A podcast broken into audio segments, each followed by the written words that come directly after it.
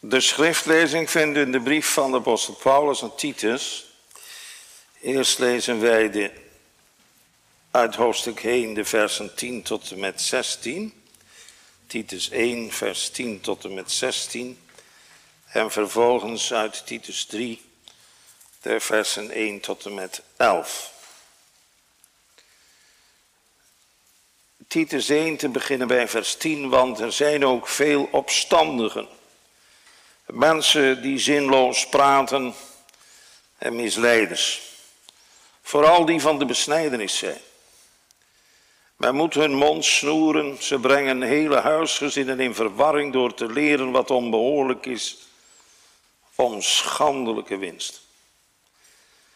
Een van hen, hun eigen profeet, heeft gezegd, Cretensen zijn altijd leugenaars, kwade beesten, luie buiken. Dit getuigenis is waar. Wij zijn daarom streng terecht, opdat zij gezond zullen zijn in het geloof. En zich niet zullen bezighouden met Joodse verzinsels en geboden van mensen die zich van de waarheid afkeren. Alle dingen zijn wel rein voor hen die rein zijn. Maar voor hen die bezoedeld en ongelovig zijn, is niets rein. Maar hun verstand en ook hun geweten zijn bezoedeld. Zij beleiden dat ze God kennen, maar ze verloochenen hem met hun werken, aangezien ze verfoeilijk zijn en ongehoorzaam en tot elk goed werk ongeschikt. En nu gaan we naar hoofdstuk 3, de versen 1 tot en met 11. Herinner hen eraan dat zij de overheden en machten onderdanig behoren te zijn, dat ze hun gehoorzaam zijn en dat zij tot elk goed werk bereid zijn. Dat zij niemand belasteren, niet strijdlustig zijn, maar welwillend en alle zachtmoedigheid bewijzen aan alle mensen. Want ook wij waren voorheen onverstandig, ongehoorzaam, dwalend, verslaafd aan allerlei begeerten en hartstochten, levend in slechtheid en afgunst, hatelijk en elkaar hatend. Maar toen de goede tierenheid van God onze zaligmaker en zijn liefde tot de mensen verschenen is, maakte hij ons zalig, niet op grond van de werken van rechtvaardigheid die wij gedaan zouden hebben, maar vanwege zijn barmhartigheid, door het bad van de wedergeboorte en de vernieuwing door de Heilige Geest. Die heeft hij in rijke mate over ons uitgegoten door Jezus Christus, onze zaligmaker, opdat wij gerechtvaardigd door zijn genade erfgenaam zouden worden overeenkomstig de hoop van het eeuwige leven. Dit is een betrouwbaar woord. En ik wil dat u deze dingen sterk benadrukt, opdat zij die in God geloven ervoor zouden zorgen dat ze anderen voorgaan in het doen van goede werken. Deze dingen zijn goed en nuttig voor de mensen. Maar ontwijk dwaze vragen geslachtsregisters en ruzies en strijdvragen over de wet, want die zijn nutteloos en zinloos. Verwerp een ketterse mens na een eerste en tweede terechtwijzing. Weet dat zo iemand het spoor bijster is en dat hij zondigt en het oordeel al in zich draagt. Amen. Tot zover de schriftlezing. De tekstwoorden vindt u in Titus 3, de versen 3 tot en met 7.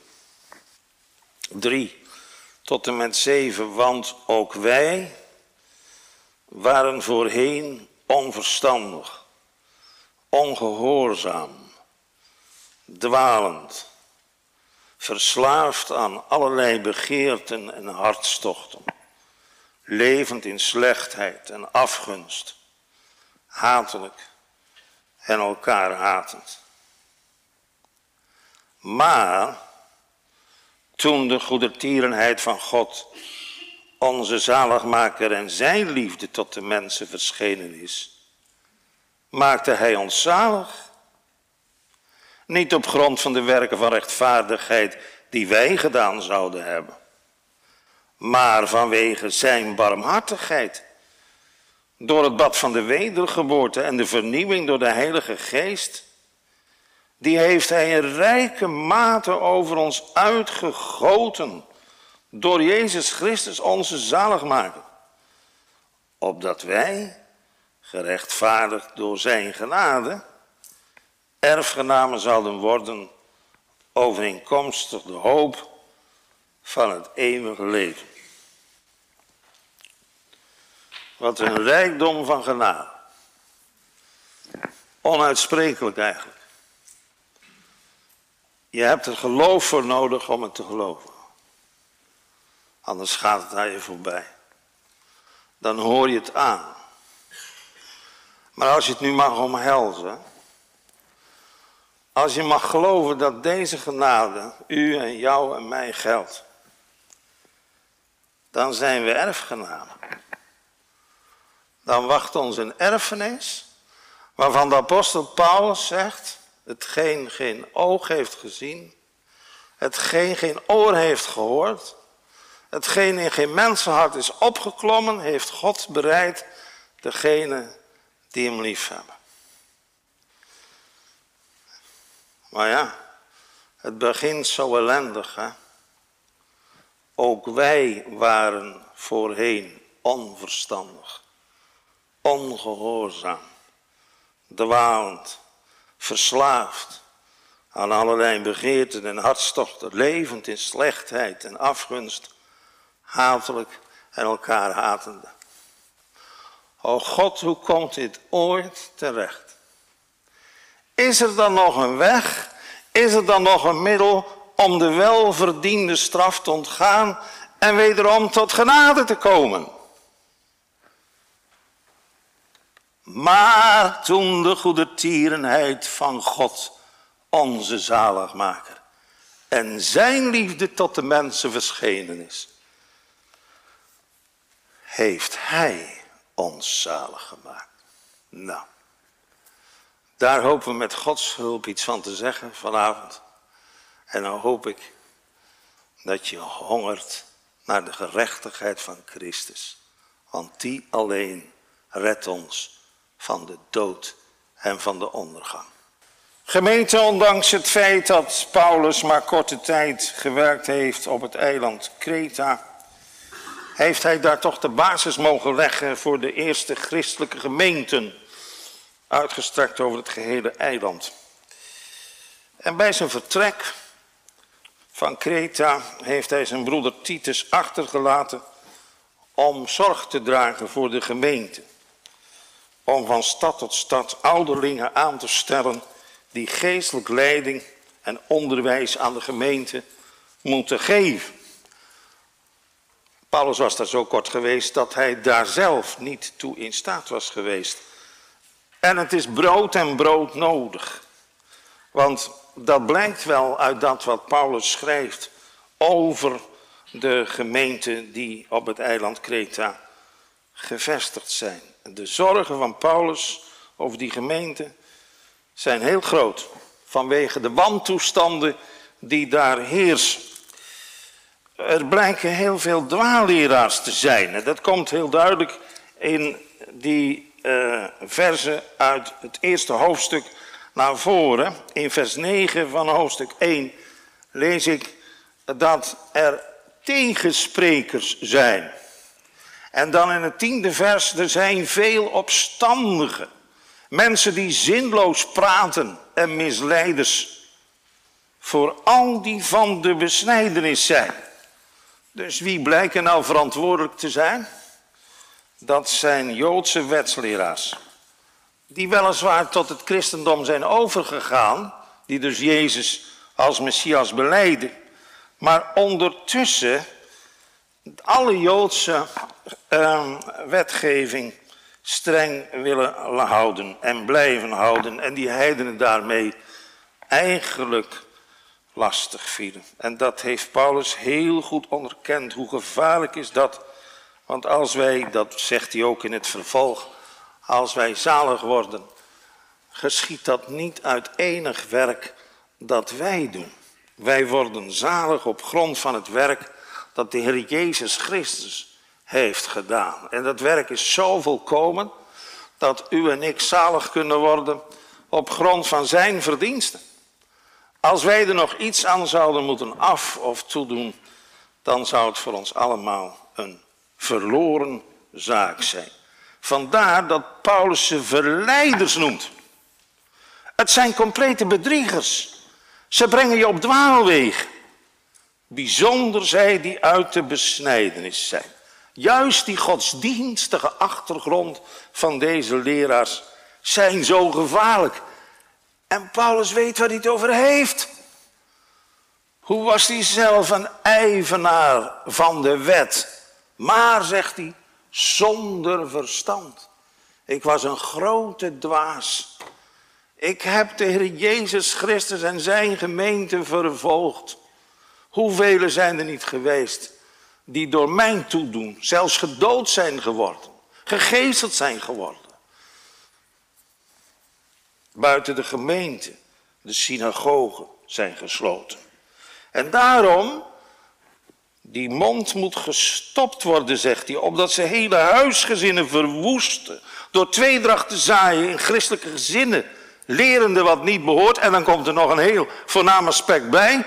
En ze doen het allemaal om persoonlijk winstbejag. Ze willen er alleen maar beter van worden. Geldelijk, financieel. Materialisten zijn het.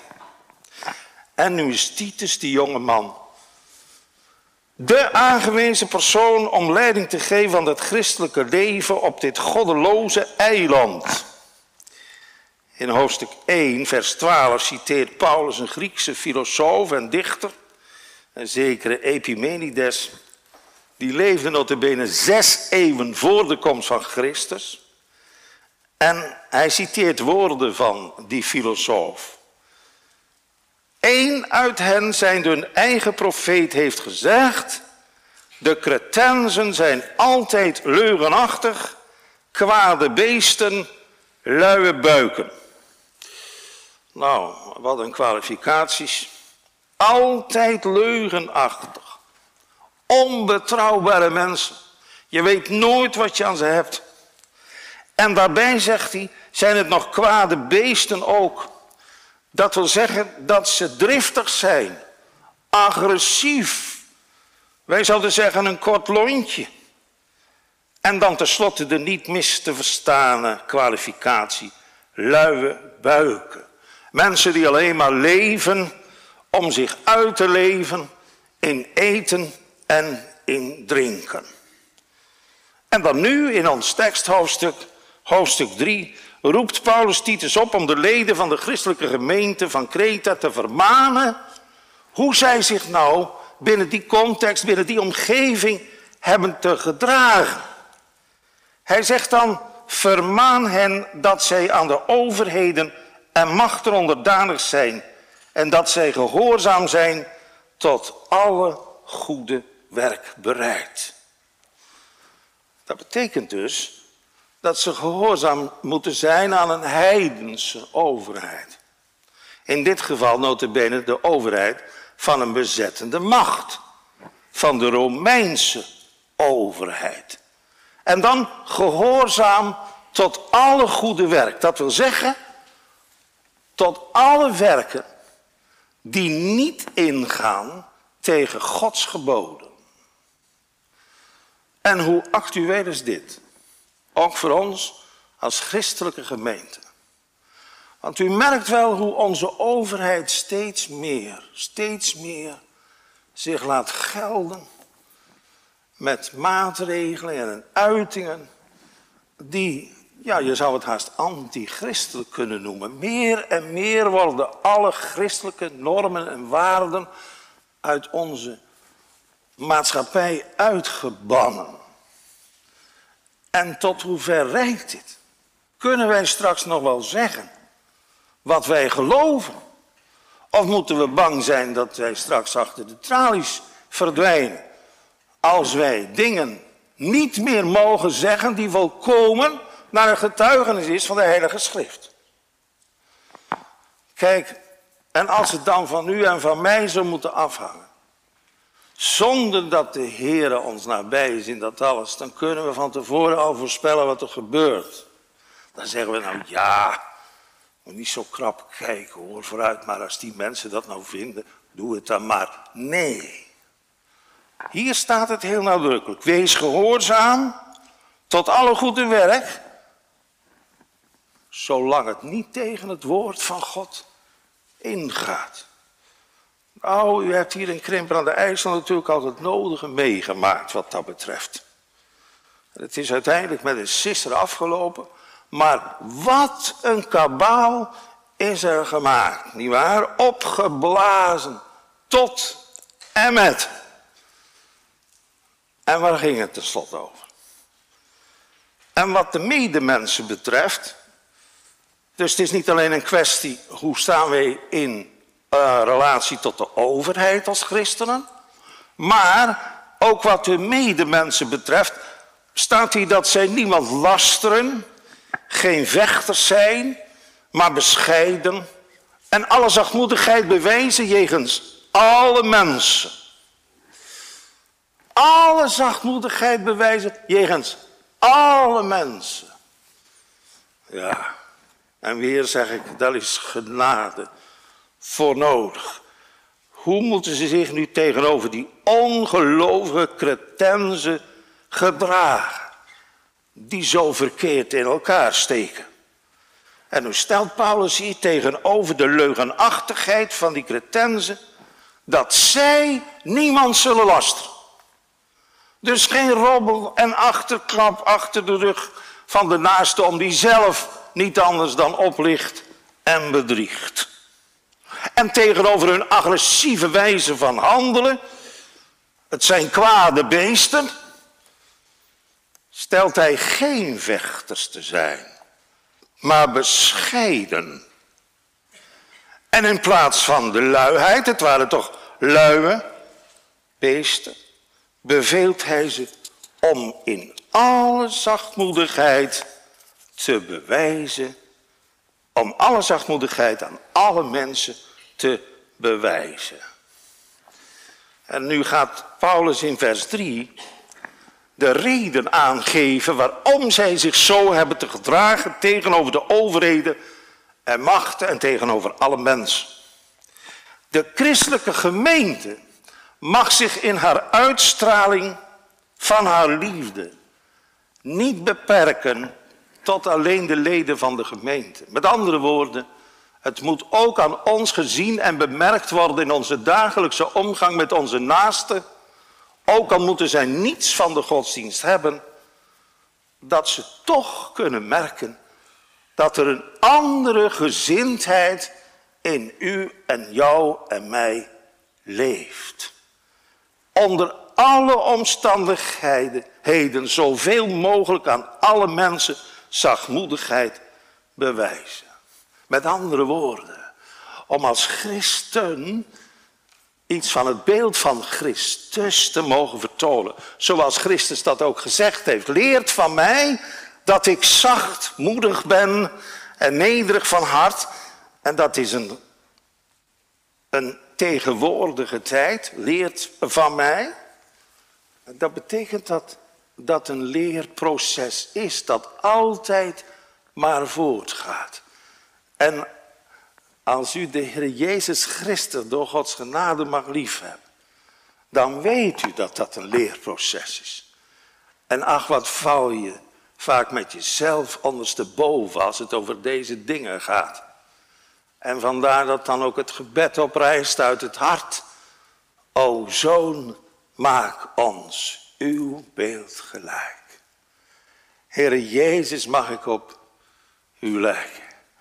Er is een gezang van Johan de Heer. U kent het misschien wel. Ik wens te zijn als Jezus.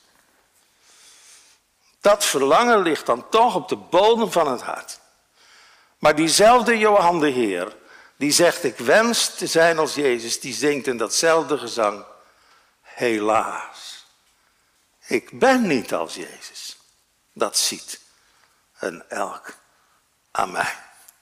En dat maakt dan ook de pijn uit van het hart. En het verlangen dat Hij het aan mij zal geven. Jezus zegt, blijft in mij en ik in u. Dat we zeggen, blijf in mijn woorden.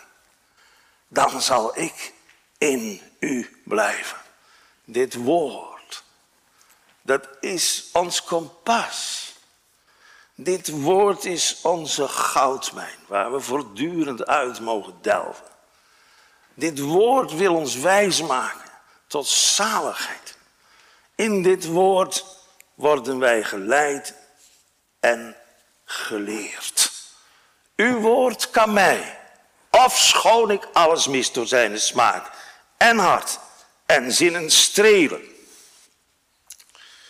Nou, dan gaat Paulus schetsen wie die mensen waren die tot geloof en bekering gekomen zijn op Kreta. Dat was een pure heidens eiland. We hebben gehoord wat voor mensen het waren. Maar dan zendt God toch Paulus en Titus naar dat eiland toe. Om het evangelie van de Heer Jezus Christus te verkondigen. En met grote zegen. En nu gaat hij tegen Titus zeggen hoe de situatie was voordat ze tot geloof en bekering kwamen. En nou is het zo prachtig om te zien dat Paulus daarin over zegt in vers 3. Want ook wij, hij sluit dus zichzelf daarbij in. En hij sluit Titus daarbij in. En hij sluit ook ons daarbij in. Nu moet u maar denken als u daarvan weten mag aan die tijd dat u nog zonder de Heere leefde. Je was misschien wel godsdienstig, dat waren die dwaalleraars ook. Maar ze waren een gevaar voor de gemeente. Maar laten we elkaar eerlijk behandelen. Of we nu de Heere Jezus hebben leren kennen vanuit de schriften. Zoals die ons wordt gepredikt. Zoals die ons aan het hart wordt gelegd. Hij komt, zegt Calvijn, eerst tot ons, opdat wij tot hem zouden komen. En daarom is de prediking van Jezus Christus en die gekruisigd zo voornaam. Daar moet u ook altijd maar op letten onder de prediking van het evangelie. Om wie gaat het? Hij staat in het middelpunt.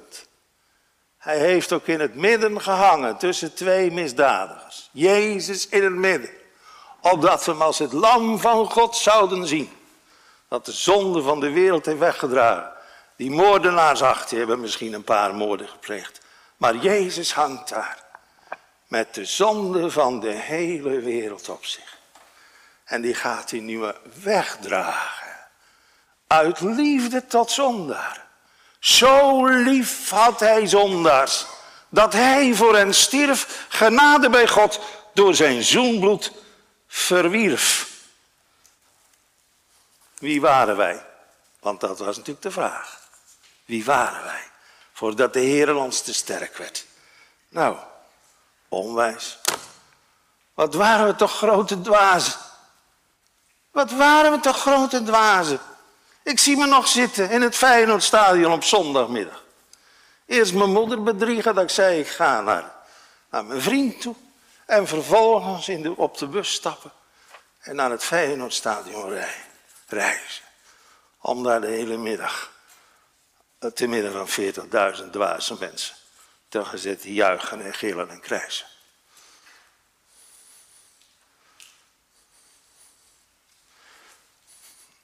Dat is maar één facet wat ik nou noem. Ik hoef hier mijn zonder leven niet bloot te leggen. Maar u begrijpt wel dat ik anders naar voetbal kijk als de gemiddelde Nederlander. En dat ik anders naar Max Verstappen kijk als de gemiddelde Nederlander. Als een mens toch daar zijn leven in vindt. Wat een ellende. Vandaag rijdt Max Verstappen zich op een hoop en het is afgelopen. Het is afgelopen. Daar is de God verdwenen. Maar hier spreken we over hem die het gezegd heeft. Wie in mij gelooft, die zal leven. Want dit is het eeuwige leven dat wij u kennen, de enige waarachtige God en Jezus Christus die gij gezonden hebt. Dat is nou de opperste wijsheid zelf die ons wijs maakt tot zaligheid. En dan vraagt hij ons hart en dan vraagt hij ons leven. En dan moeten we eens kijken, nu zijn we een beetje twintig minuten aan de gang, denk ik, met preken. Wat er al niet voorbij is gekomen om u en jou te bewegen tot het geloof. Zo is Paulus ook werkzaam geweest. Al die zielen gingen hem aan. Niet willende, schrijft hij, dat enigen verloren gaan, maar dat zij allen behouden zullen worden. Dat is de drive van iedere knecht van Jezus. Een gezant van Christus weeg, alsof God door ons bidt, smeekt. Laat je toch met God verzoenen. Hij heeft zijn eigen zoon niet gespaard, maar heeft hem voor ons allen overgegeven. Wat moet hij nou nog meer geven dan zijn lief kind? Kom, buigen ons dan biddend neer. Kom, laat ons knielen voor de Heer, die ons gemaakt heeft en verkoren. In mijn eerste gemeente moest ik veel onkerkelijke mensen begraven. Dat was een hele grote gemeente van 3300 zielen, waarvan er maar 700 naar de kerk kwamen.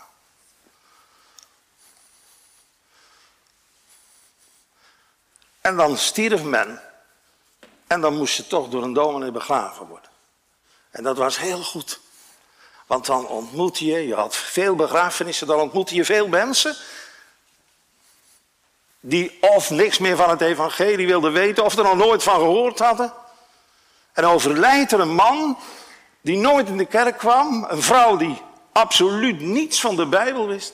Die man die overlijdt heel plotseling, hij komt thuis, hij hangt zijn jas aan de kapstok en hij sterft. En ik werd geroepen om die man te begraven, de dienst te leiden. En daarna, na de begrafenis, bezoek je dan zo'n weduwe nog een aantal keren. Die vrouw die wist niets van de Bijbel, totaal niet. Dus dan probeer je toch iets te lezen en daarover te spreken om de, zeg maar, de grondprincipes van het geloof haar te laten horen. En dan weet ik niet of het de derde of vierde keer geweest is.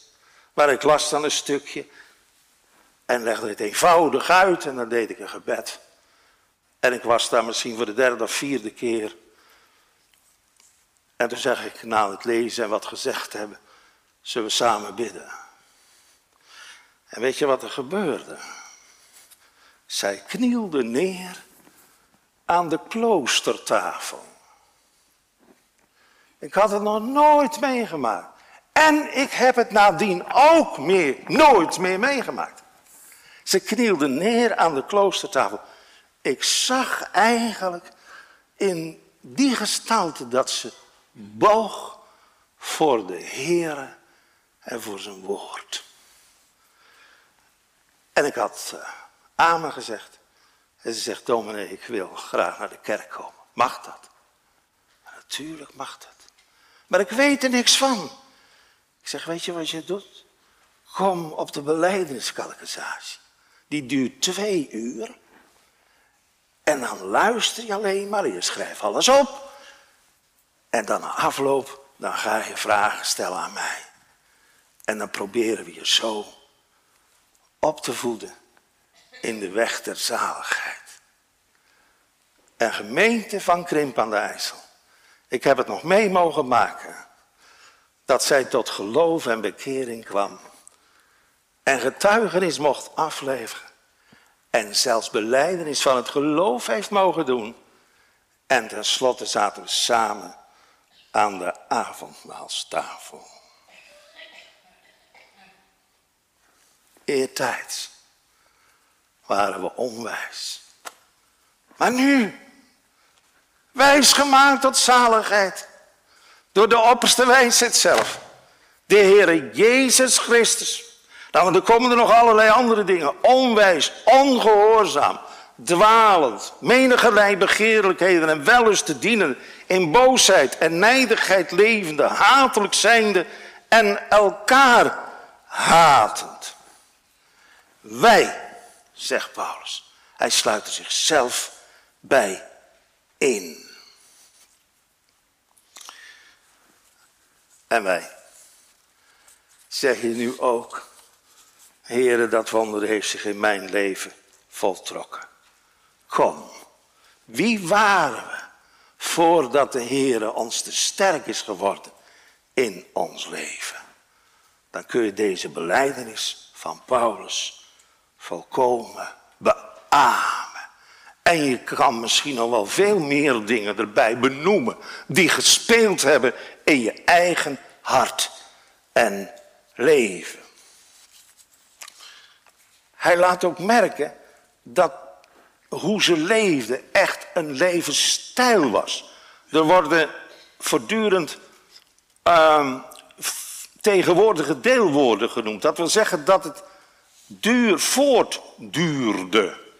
Het, het was een duurzaam kwaad, om het zo maar te zeggen. Ook wij waren voorheen, en dan staat er dwalend en levend in slechtheid en elkaar hatend. dus men was daar voortdurend mee bezig. En dan ga je afvragen, hoe gaat dat nou veranderen? Nou, maar, dat is nou de tegenstelling die God teweeg brengt. Maar, maar God ja, dan is hij aan de beurt, nietwaar? Hij heeft ons laten begaan in ons leven. En iedereen weet dan voor zichzelf wel hoe lang. Misschien ben je nog steeds zo bezig. Dwalend. En levend in slechtheid. En in ongeloof. Volhardend in het kwaad. Afgunstig. Noem allerlei dingen maar op die er kunnen spelen. De Bijbel spreekt dan over melaats van de hoofdschedel tot de voedsel toe. Dat wil zeggen, in een terminale fase. Zo ernstig is de zonde, want de bezoldiging van de zonde is de dood. Daar loopt het tenslotte op uit. Het voor eeuwig omkomen. Maar God toen de goedertierenheid van God, onze zaligmaker en zijn liefde tot de mensen verschenen is. Nou, dat laat zich nooit bevatten. Dat God nou tegenover al dat kwaad zijn goedertierenheid en zijn liefde stelt. Jeremia heeft het al gezegd. Het zijn de goedertierenheden des Heren dat wij niet vernield zijn. Dat wij hier mogen zitten.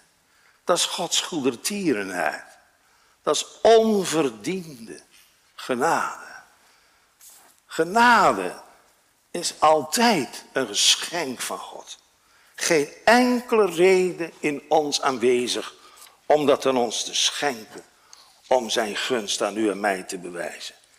En dan zegt Paulus het zo treffend in de Romeinenbrief. Zijn het niet de goedertierenheden des Heren die ons tot bekering leiden.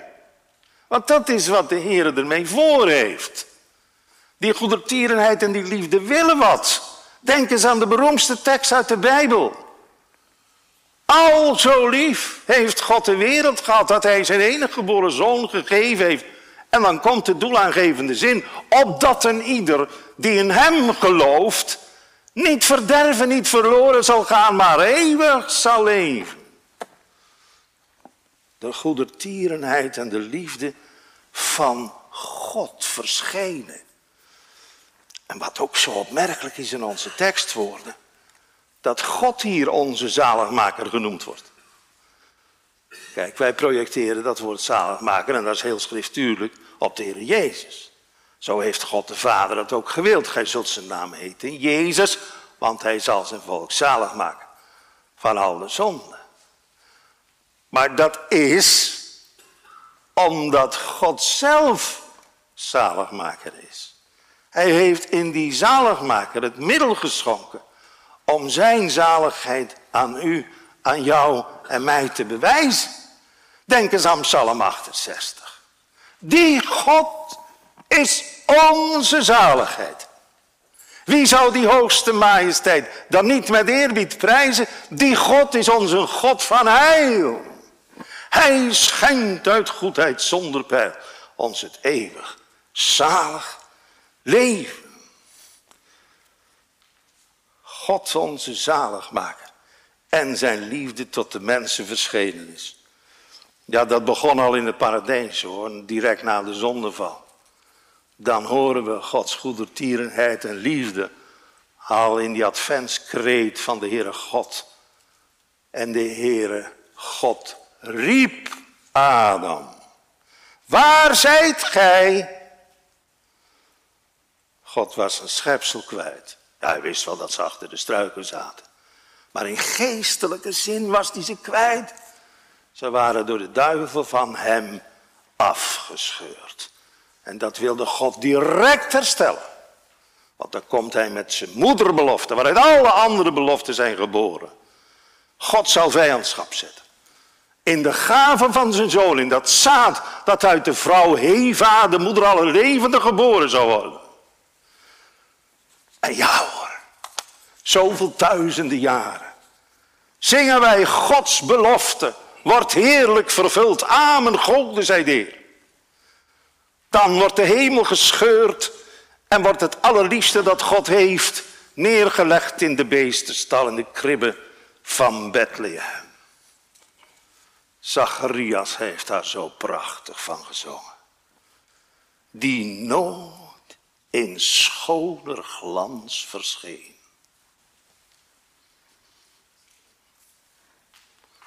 Hij is echt de schoonste onder de mensenkinderen. Hè? Dan nu door Gods barmhartigheid. Die met ons lot bewogen om ons van zonde en ongeval te ontslaan, een ster in Jacob op doet gaan, de zon des heils doet aan de kimmen staan. Nou, deze goedertierenheid en liefde Gods verscheen ook aan Saulus van Tarze. Hij ging als een briesende leeuw naar Damascus om de boel uit te moorden. En daar is Gods goedertierenheid en liefde in Jezus Christus. Gods liefde werpt hem te neer op de grond. Wie zijt gij, heren? Ik ben Jezus, die jij vervolgt. Ja, en dan is het gebeurd. Hè? Heren, wat wilt gij dat ik doen zal? Nou, zo gaat het nog. Ja, niet zoals de bekering van Saulus van Tarzen is, zo bedoel ik dat niet. Maar dat God ons een haal toeroept op de weg naar ons ongeluk en naar onze ondergang. Hij plaatst op onze levensweg het kruis van Golgotha. En dat doet hij door de prediking. De prediking van het evangelie van onze Heer Jezus Christus. Toen de goedertierenheid van God onze zaligmaker en zijn liefde tot de mens is verschenen, maakte hij ons zalig. Uit genade zijt gij zalig geworden door het geloof en dat niet uit u, het is Gods gave. Heerlijk hè. Hij doet het. Ook nu, ik ben ervan overtuigd dat hij bezig is. Ook nu onder de prediking om harten aan te raken. Want dat woord keert nooit ledig weer. Het doet hetgeen hem behaagt. En er is maar één ding wat hij begeert. Dat is ons behoud. Daarom treedt hij ons met zijn goedertierenheid en zijn liefde in Christus Jezus tegemoet. Hij maakt ons zalig. Niet op grond van de werken van de rechtvaardigheid die wij gedaan zouden hebben. Hoe zou het kunnen? Daar is niemand rechtvaardig. Dat zijn de eigen woorden van de schrift. Daar is niemand die goed doet, nog niet tot één toe. Wij allen hebben gezondigd en derven, dat is missen de heerlijkheid van God. Maar hij, vanwege zijn barmhartigheid, door het bad van de wedergeboorte. Dat ziet op de doop. En de vernieuwing door de Heilige Geest. U moet bedenken dat deze cretensen, die tot geloof en bekering gekomen zijn in de Heer Jezus Christus, door Paulus gedoopt zijn geworden. Of door anderen. Die doop maakt niet zalig. Nee, die mensen zijn tot geloof gekomen. Dat zie je op de Pinksterdag gebeuren. Mannen, broeders, wat moeten we doen? Bekeert u. En ieder van u wordt gedoopt in de naam van Jezus Christus tot vergeving van zonde. En dan worden ze gedoopt, ondergedompeld. Dat ziet op het afleggen van de oude mens, het eertijd zeg maar. Dat leggen we dan af. En de opstanding uit het water van de nieuwe mens. Dat is de vernieuwing door de Heilige Geest. Want het is niet alleen zo dat wij vergeving van zonde ontvangen. Dat is de rechtvaardiging, zoals we dat noemen. Waardoor wij ons rechtvaardig voor God mogen weten. Maar dat diezelfde God en Heer in Christus Jezus nu ook zorgt voor de heiliging van ons leven. Als vrucht van de vergeving van zonde komt er een lust om voor Hem te leven. Daarom zingen we ook altijd. Wie heeft lust de Heer te vrezen? Als het allerhoogste en even goed. God zal zelf zijn leidsman wezen en leren hoe hij wandelen moet. En dan in vers 6 de vernieuwing door de Heilige Geest, de wedergeboorte, die heeft Hij in rijke mate over ons uitgegoten. Door Jezus Christus, onze zaligmaker. Nou, het is niet zomaar wat er gebeurt onder de prediking. Wij hoeven onszelf niet in te houden. Nee, wij mogen als dienaren van Christus uitdeler zijn van de menigerlei genade Gods. Kijk, waar het hart vol van is, daar loopt de mond van over. En daarom is het zo'n groot voorrecht als er dienaren van Christus mogen zijn, die die levende band aan de Heer Jezus Christus mogen kennen en mogen weten over wie ze het hebben. Die hun heiland en hun zaligmaker hebben leren omhelzen. En die er weet van mogen hebben wat het is bij u, mijn koning en mijn God, verwacht mijn ziel en heilrijk lot. En wat denkt u van, ik zal, o Heer, die ik mijn koning noem, de luister van uw majesteit en roem, verbreiden en uw goddelijke daan, met diepst ontzag aandachtig gadeslaan. Wat was Petrus vol van Jezus op de Pinksterdag. En moest kijken hoe de Heilige Geest dat gebruikt rijkelijk uitgestort. En de Heer is nog precies diezelfde God. Dat heilswerk kan ook hier in Krimpen aan de IJssel zijn vervulling hebben hoor. Heer, ik hoor van rijke zegen, die gij uitstort keer op keer. Laat ook van die milde regen droppelen vallen op mij neer. Ook op mij. Ook op mij. Droppelen vallen. Ook op mij. Ja, dominee, dat is maar een gezang. Dan krijgt u van mij een psalm erbij. Gij stort op hen een milde regen. Hetzelfde. Een regen die hen overdekt, verkwikt en hun tot zegen strekt. En wie doet dat nou? Wie zorgt daar nou voor? Die hij in rijke mate over ons uitgegoten heeft. Door Jezus Christus, onze zaligmaker. Prachtig. Eerst God onze zaligmaker. En als het nou gaat over dat uitstorten van de Heilige Geest, dan geschiet dat door onze zaligmaker Jezus Christus zelf. Die het gezegd heeft, het is u nut dat ik weg, anders kan de trooster niet komen. En als die gekomen zijn, zal hij het uit mij nemen. En hij zal het u verkondigen. Nou, wat is dat gebeurd op de Pinksterdag? Wat zijn Gods beloften in Christus Jezus toch? Ja en amen. Wat hebben we toch een betrouwbare Heer en zaligmaker. In God de Vader, God de Zoon en God de Heilige Geest. Opdat wij gerechtvaardigd door zijn genade, hier wordt die genade van het geloofsleven weer benadrukt, opdat wij gerechtvaardigd door zijn genade, uit genade zijt gezalig geworden, zo hebben we het gezegd.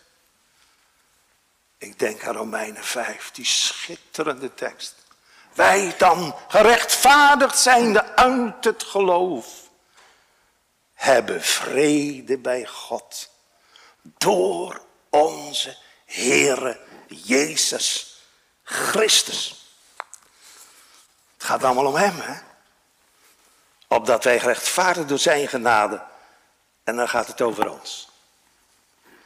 Erfgenamen zouden worden. Erfgenamen van Christus en zijn heilswerk. Oh, dan, dan kan niets ons meer scheiden hoor, van de liefde Gods die daar is in Christus Jezus. Want als wij in Jezus Christus mogen geloven, dan zullen we delen de erfenis die Hij heeft verworven. Het erfdeel wacht op ons. Hij gaat het ons schenken. Overeenkomstig de hoop van het eeuwige leven. Dat wil zeggen, precies nadat het ons in het vooruitzicht is gesteld. En dat is niet de hoop van, nou ja, we zullen er maar het beste van hopen. Helaas maak je dat ook in je pastorale praktijk mee, hè? Dat mensen geen enkele zekerheid hebben over de uitkomst van hun leven. En dan tenslotte zich er maar bij neerleggen en zeggen, nou ja, dominee, we zullen het beste maar van hopen, kan ook niet anders. Oh, maar dit is de hoop waarvan Paulus zegt, Christus die onze hoop is. En nu wat verwacht o heren, mijn hoop is op u, erfgenaam van dat heilsgoed dat Christus verworven heeft. Wat heeft Luther daar toch mee geworsteld om dat goed te krijgen?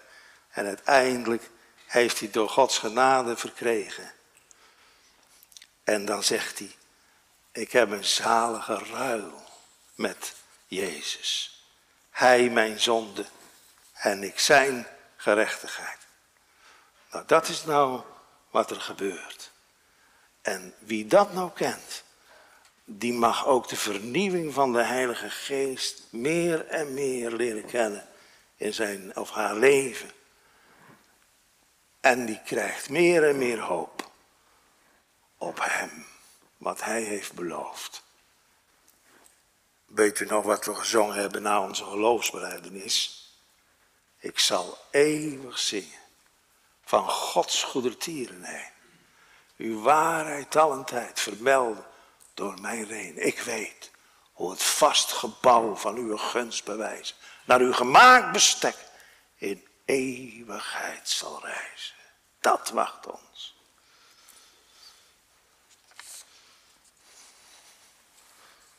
Wat is er nu nog op tegen? Om met u en jou verzondigde leven, als er nog nooit van kwam, nu tot hem te komen. Mag ik u ertoe uitnodigen? Mag ik er jou toe uitnodigen? Kom tot uw heiland. Toevlang er niet. Kom nu tot hem die redding u biedt. Die ook voor u de hemel verliet. Hoor naar zijn roepstem. Kom.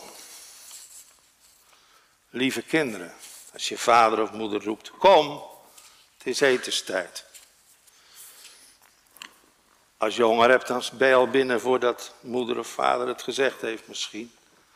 Maar als je geen honger hebt, dan moet hij misschien wel drie of vier keer roepen. Maar bedenk nou eens hoeveel keer hier die dierbare heiland Jezus Christus ons al geroepen heeft. O, alle gij dorstigen, kom tot de wateren.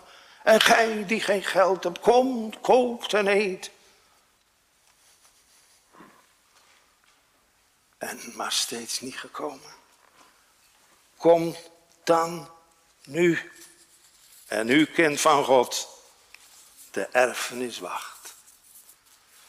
En daar gaan we nu van zingen.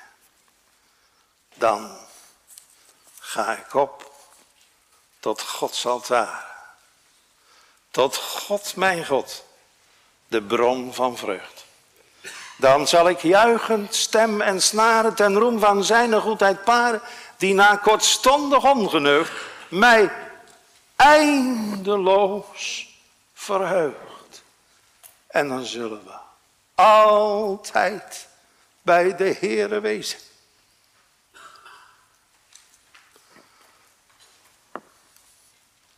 Ik zal dan verheugd van zorg ontslagen hem roemen die ons blijdschap geeft. Amen.